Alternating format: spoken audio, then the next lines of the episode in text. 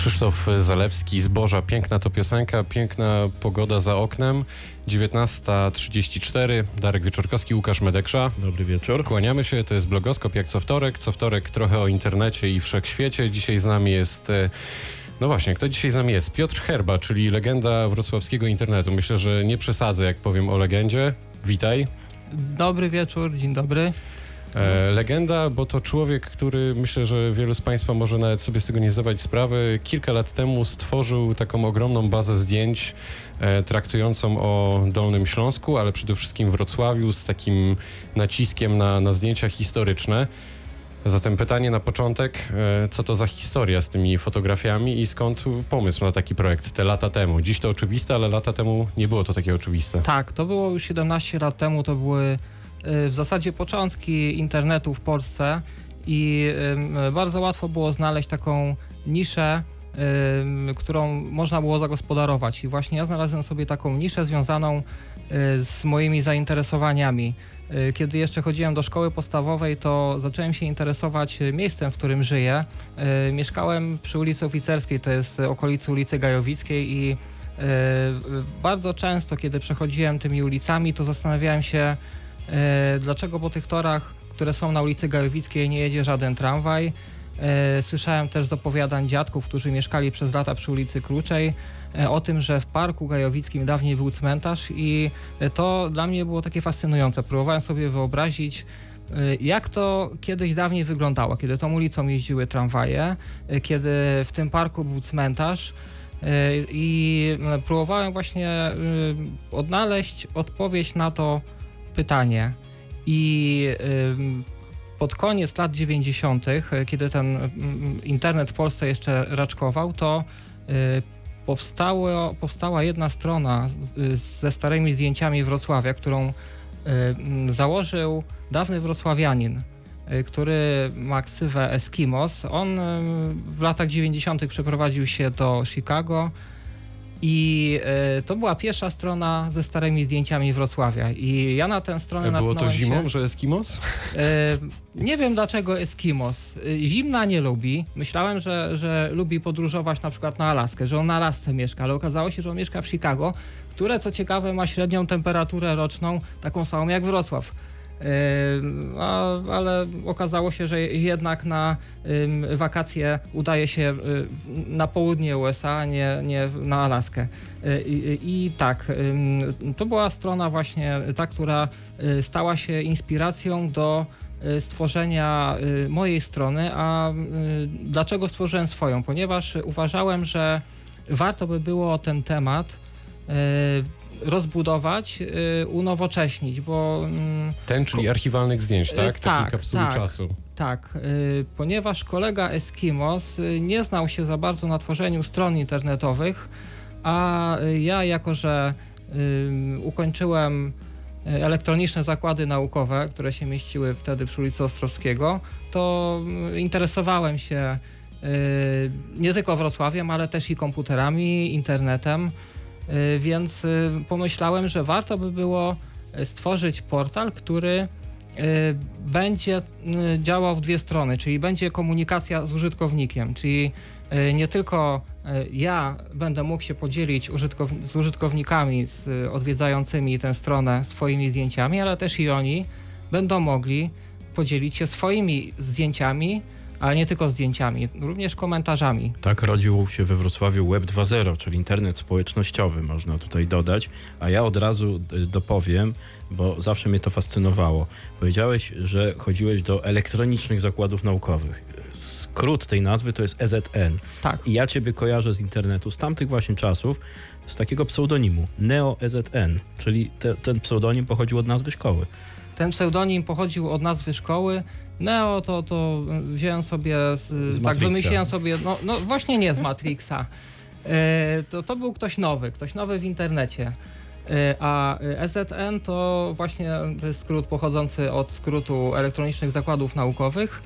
E, no i To był jeden z najbardziej znanych pseudonimów we wrocławskim internecie na początku lat 2000. I, Potwierdzam. I później, do dzisiaj tak no jest. tak, choć wrocławskich internautów w tym czasie nie było zbyt wielu, więc łatwo było być chyba znanym internautą w 2001 roku. No, to, Wróćmy- już, to już skromność. Wróćmy do tego serwisu zdjęciowego, czyli tworzysz własną stronę ze zdjęciami, ale także z możliwością zamieszczania e, zdjęć przez użytkowników. To jest rok 2001, tak?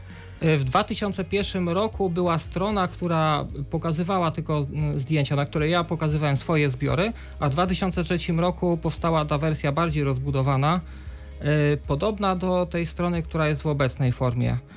I, ta strona, która wówczas powstała, to jest tak zwana, i też odwołam się do pewnego slangu internetowego, tak zwana strona hydralowa. Y, Tak, y, a nazwa y, Hydral wzięła się z tego, że y, serwer znajdował się y, wtedy na terenie zakładów y, Hydral, które znajdowały się na Psim Polu. I potem się y, te losy tak potoczyły, że strona, o której teraz mówimy, żyje sobie własnym życiem, ale ty po kilku latach założyłeś kolejną stronę, której adres to jest fotopolska.eu. fotopolska.eu albo fotopolska.pl. Mamy też drugi adres, e, ale też e, pochwalę się, że, że mamy e, stronę obejmującą dawne Kresy Wschodnie, dawne ziemie polskie, czyli Kresy Wschodnie i Zaolzie. Czyli jeszcze e, ta, ta strona ma taki odłam, który ma adres fotokresy.pl. Czyli to już jest cała rodzina stron, ale one wszystkie są, że tak powiem, o tym samym. Znaczy ich zasada jest ta sama. One dokumentują y, fotograficznie to, co się działo w tych miejscach, tak? Tak. Umożliwiają, jak rozumiem, cały czas zamieszczanie własnych zdjęć przez użytkowników. Co jeszcze? Co, co, co ja mogę zrobić na stronie na przykład fotopolska.eu jako mieszkaniec Wrocławia zainteresowany historią, teraźniejszością, może też przyszłością miasta? Na tej stronie oprócz tego, że można obejrzeć wiele zdjęć i y, panoram, to y, można jeszcze dotrzeć do na przykład zdjęć porównawczych. Y, Można obejrzeć wiele map, można dowiedzieć się ile mamy we Wrocławiu krasnali i obejrzeć ich wszystkie zdjęcia. Y, Można też zobaczyć jak Wrocław wygląda z, z wysokości na przykład 50, 60, 70 metrów, bo mamy też kilkanaście tysięcy zdjęć lotniczych. I jako użytkownik yy, można też spróbować poszukać swojego dawnego miejsca zamieszkania albo obecnego i zobaczyć, jak dawniej wyglądało. Ty też robisz zdjęcia.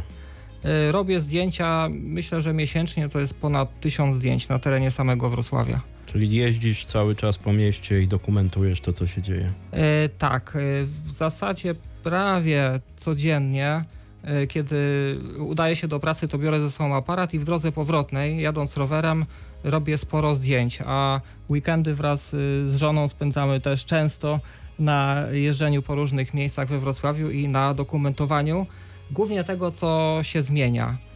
Yy, Albo tego, co wiemy, że wkrótce się zmieni. Czyli na przykład, jeżeli wiemy, że w danym miejscu będzie jakaś rozbiórka, będzie jakaś budowa, to e, staramy się zachować e, obraz tego, jak to obecnie wygląda, po to, żeby, żebyśmy my i inni zobaczyli za kilka, kilkanaście lat, jak dane miejsce we Wrocławiu wyglądało. I, i na przykład dzisiaj e, byłem na terenie e, zakładu Fadroma, na, którym, na terenie którego e, od kilkunastu dni trwają prace rozbiórkowe. Tam ma być osiedle, zdaje się. Tam ma być osiedle mieszkaniowe i biurowce. Tak więc te, te wszystkie zdjęcia, które wykonuję ja i koledzy, znaczy, y, bo powiem teraz za siebie, bo z kolegami bywa różnie. Y, y, Te wszystkie zdjęcia, które ja wykonuję, bardzo chętnie y, tymi zdjęciami dzielę się z, y, z różnymi mediami, z różnymi instytucjami. Y, Wiele, y, wiele firm y, pyta się, czy może te zdjęcia gdzieś opublikować, gdzieś użyć, jakąś y, fototapetę zrobić. Dzielisz się odpłatnie? Y, Nie, nie. Y, Ta strona jest y, niekomercyjna i myślę, że, że ta strona nie, nie, nie mam takich planów, żeby skomercjalizować ten portal. Czyli nie żyjesz z tego, z tej Nie, nie, nie, nie żyję z tej działalności, a wręcz przeciwnie, wydaję na, na to swoje hobby, bo to jest moje hobby. Ja mam pracę swoją, jestem programistą już od, od kilkunastu lat i no, ta strona to jest y, taki mój sposób na, na życie, na spędzanie wolnego czasu. to jest taka, taka przyjemność, e, odskocznia od, od różnych problemów. A wspomniałeś o kolegach, czyli Fotopolska EU i te wszystkie strony, które prowadzisz, y, które dokumentują przeszłość różnych miejsc, to jest praca zespołowa, tak? Czyli to jest większy zespół ludzi, którzy nad tym pracują. E, Tak, to jest praca zespołowa, m, e, bo te milion dwieście tysięcy zdjęć, które obecnie znajduje się na naszej stronie, sam bym ich nie wykonał. Moich tam jest, no, mo, może będę nieskromny mówiąc, że jest moich zdjęć 60 tysięcy, e, ale To chwila, ten, moment, ten, ten chwila, pozostały, chwila, moment, ten, ten pozostały milion to jest praca tych pozostałych osób. Y, Kont na stronie mamy ponad 15 tysięcy, ale takich aktywnych użytkowników każdego miesiąca to jest około 180. Czy wy się znacie wszyscy, czy to są też osoby anonimowe? Y, Część to są osoby anonimowe, są nawet takie osoby. Mam na myśli oczywiście ty, tą grupę y, najbardziej aktywną, czyli taką tworzącą czołówkę tej strony.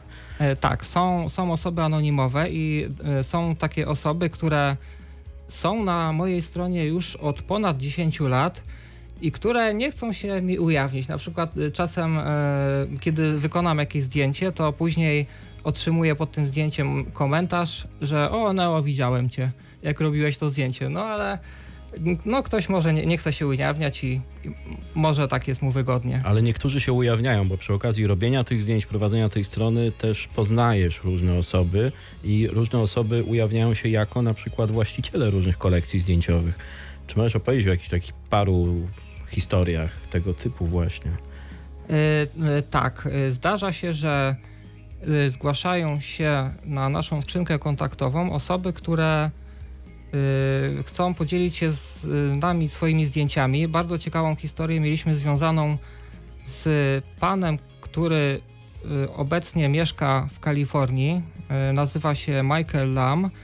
I jego matka mieszkała dawniej w pałacu Glitterów przy ulicy Fryzjerskiej, to jest na Widawie. I przy ulicy Fryzjerskiej do 1945 roku znajdował się pałac. I z tego pałacu e, do naszych czasów dotrwały dwa portale. I no tak trochę śmiesznie wygląda. Są dwa portale i, i, i kawałek trawnika. E, Obok jest e, parterowy domek. I zgłosił się do mnie pan, którego matka do e, 1938 roku mieszkała w tym pałacu. I ten pan przysłał mi e, kolekcję zdjęć zeskanowaną na płycie e, i poprosił o publikację tych zdjęć na stronie. I to jest właśnie niesamowite, bo e, mieliśmy okazję zobaczyć, jak wyglądał ten pałac w całości. Teraz mamy tylko jego fragmenty, a na zdjęciach widać, jak ten pałac wyglądał, kiedy żyli w nim ludzie. I widać też e, ludzi, którzy w nim mieszkali. Widać, że, że ci ludzie się tam bawili, e, jeździli jakimiś powozami. E, Ciekawe też jest to, że kilka dni po publikacji tych zdjęć na stronie zgłosiła się do nas właścicielka tej posesji, zafascynowana tą, tą kolekcją i poprosiła o kontakt do pana Michaela, czyli właśnie e, syna, Potomka. tak. potomka tak, tej pani, która w tym pałacu mieszkała. No i w ten sposób udało się skontaktować obecnego właściciela tych pozostałości pałacu z, z, z krewnym mieszkańców tego miejsca. No to jest niesamowite. Czy, y, czy częściej wam się zdarza drążyć tego typu historie, bo y, zrobić, jakby porównać zdjęcia z przeszłości jakiegoś obiektu ze zdjęciami współczesnymi to jest jedno, ale wgryźć się w to, co się w tym obiekcie działo, kto w nim mieszkał, kto w nim obecnie mieszka, jakie były koleje losu jego mieszkańców, to już jest zupełnie inna historia i być może nawet jeszcze większe wyzwanie. Czy próbujecie wchodzić w tego typu opowieści? Y, Bardzo byśmy chcieli, ale jest pewien problem. y, Jeżeli chodzi o y, mieszkańców, problem polega na tym, że na przykład y, Warszawa była w podobnym stopniu zniszczona co Wrocław w czasie wojny, ale y, ludność nie została przesiedlona, a Wrocław ma taką, y, miał taką historię, że y, w zasadzie wszyscy jego dawni mieszkańcy zostali wysiedleni, więc y, y, czasem można odnieść wrażenie, że, że y, mało o tym mieście wiemy y, i chcemy czegoś się o tym mieście dowiedzieć, ale nie ma w zasadzie jak, bo jest bariera językowa. e, a też i e, te osoby, które mieszkały we Wrocławiu, często już są w podeszłym wieku i jest problem, żeby się z nimi skontaktować. Więc zdarza się, że dawny mieszkaniec Wrocławia zgłasza się do nas i prosi o jakieś materiały dotyczące ulicy. Nie tak dawno temu zgłosił się do nas pan, który urodził się w 1940 roku i który mieszkał z rodzicami przy ulicy Borowskiej. Opowiadał, że e, uciekali z Wrocławia ostatnim pociągiem, e, ale niestety e, nie ma żadnych zdjęć archiwalnych, ponieważ cały ich dorobek został w tej kamienicy, a kamienica niestety, tak jak prawie wszystkie kamienice, które stały przy ulicy Borowskiej, nie przetrwała wojny. No to jest y, niesamowite i to jest, powtórzę, duże wyzwanie. Zastanawiam się, czy następną generacją takiej, życia takiego serwisu to nie mogłoby być właśnie y, zbieranie, dokumentowanie historii tego typu. Y, przy, próba przyjrzenia się temu, kto tam mieszkał, skąd się w ogóle wziął ten dom, być może próba porównania domu na przykład, czy obiektu jakiegoś z jego planami. To jest dużo takich możliwości się rodzi. Czy wy się zastanawiacie nad takim rozwojem tego przedsięwzięcia? Yy, tak, zastanawiamy się, tylko no właśnie yy, jest, jest taki problem, że mm, ciężko jest od, odnaleźć materiały dotyczące wielu budynków. Na przykład jeżeli chcielibyśmy yy, dowiedzieć się, jak dany budynek wyglądał, to okazuje się, że w archiwum budowlanym te zbiory są niepełne, bo wiele tych zbiorów zostało zniszczonych w czasie wojny. Jeżeli chodzi o to, kto mieszkał w danym budynku, to y, często otrzymujemy od różnych ludzi zdjęcia wykonane prawdopodobnie we Wrocławiu, które, których te osoby nie są w stanie zidentyfikować, jeżeli chodzi o lokalizację. I często właśnie na, na tym zdjęciu widać jakiś szyld jakiegoś sklepu, podane jest imię i nazwisko i E, i próbujemy szukać e, tego imienia i nazwiska w książkach adresowych. E, Nie tak dawno temu mieszkaliśmy przy ulicy Trauguta we Wrocławiu i na jednej z kamienic był napis niemiecki Bella Brewing. I zastanawialiśmy co, się, co on znaczy. I zajrzałem do książki adresowej z 1942 roku i okazało się, że e, pod tym adresem pan Bella Brewing miał e, zakład, w którym naprawiał rowery. E, Często jest też tak, że odnajdujemy w różnych miejscach nagrobki, na których są wypisane imiona i nazwiska dawnych wrocławian i zaglądamy do książek adresowych i próbujemy dowiedzieć się, e, gdzie te osoby mieszkały. Mhm. I zawsze, y, kiedy robimy zdjęcie nagrobka, czy jakiegoś napisu niemieckiego na kamienicy, to wpis, wpisujemy jako opis zdjęcia to nazwisko, po to, żeby potomkowie mogli odnaleźć swoich przodków za pomocą na przykład wyszukiwarki Google. Z tego powstaje cała taka zmapowana Wikipedia o Wrocławiu. Dokładnie tak. Ja się dzisiaj przysłuchuję. Łukasz wyraźnie e, jest zafascynowany tą historią, podobnie jak ja, ale e, po tym jak rozszyfrowaliśmy ideę powstania portalu, rozszyfrowaliśmy też rozmaite e, ksywki. Ja mam pytanie o to, ile czasu Wam zajmuje mm, moderowanie tego serwisu, ale też dodawanie nowych e, treści. Jak rozumiem, żona też, która się tutaj przysłuchuje, Twoja w naszym studiu, pewnie się pogodziła z Twoją pasją, być może ją e, współdzieli. Ten aparat Wam towarzyszy, ale ile fizycznie e, czasu spędzacie nad tym e, poza pracą taką normalną, zarobkową, bo już wiemy, że ten portal nie przynosi Wam dochodu. E, Ile czasu? Y, Myślę, że to jest spora część weekendu, co najmniej jeden dzień y, weekendu albo sobota albo niedziela jest poświęcona na, na moje hobby, czyli y, często na przykład jeżeli y, robimy wycieczkę rowerową, to jeździmy y, do takich miejsc, które chciałbym sfotografować, czyli najczęściej to są takie miejsca właśnie, które się zmieniają, typu jakieś budowy, rozbiórki, a tak na, na co dzień po pracy to myślę, że to są 2-3 godziny dziennie. Jeszcze kolejne pytanie e, o, o te zbiory, źródła zbiorów, bo mam takie wrażenie po tym, jak od kilku lat, od wielu lat korzystam z tego serwisu, to tutaj Dolny Śląski Wrocław wiedzie prym. Czy to wynika z tego, że po prostu najwięcej zdjęć właśnie z tych terenów, czy, czy, czy taki był klucz początkowy, a w tej chwili ten serwis staje się serwisem ogólnokrajowym i nie tylko, tak jak wspomniałeś na początku? Y, Najwięcej zdjęć jest z Dolnego Śląska, bo, y, naj, bo tu, się, tu się historia tej strony zaczęła.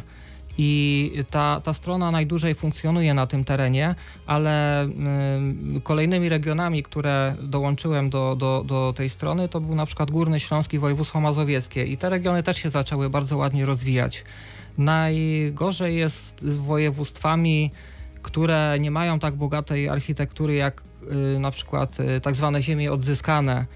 Y, Tam jest ta zabudowa zupełnie innego typu, mniej jest ciekawych miejsc, ciekawych budynków, więc też jest, y, jest też mniej osób zainteresowanych, takie mam wrażenie, historią swojej miejscowości i dokumentowaniem tych, tych miejsc.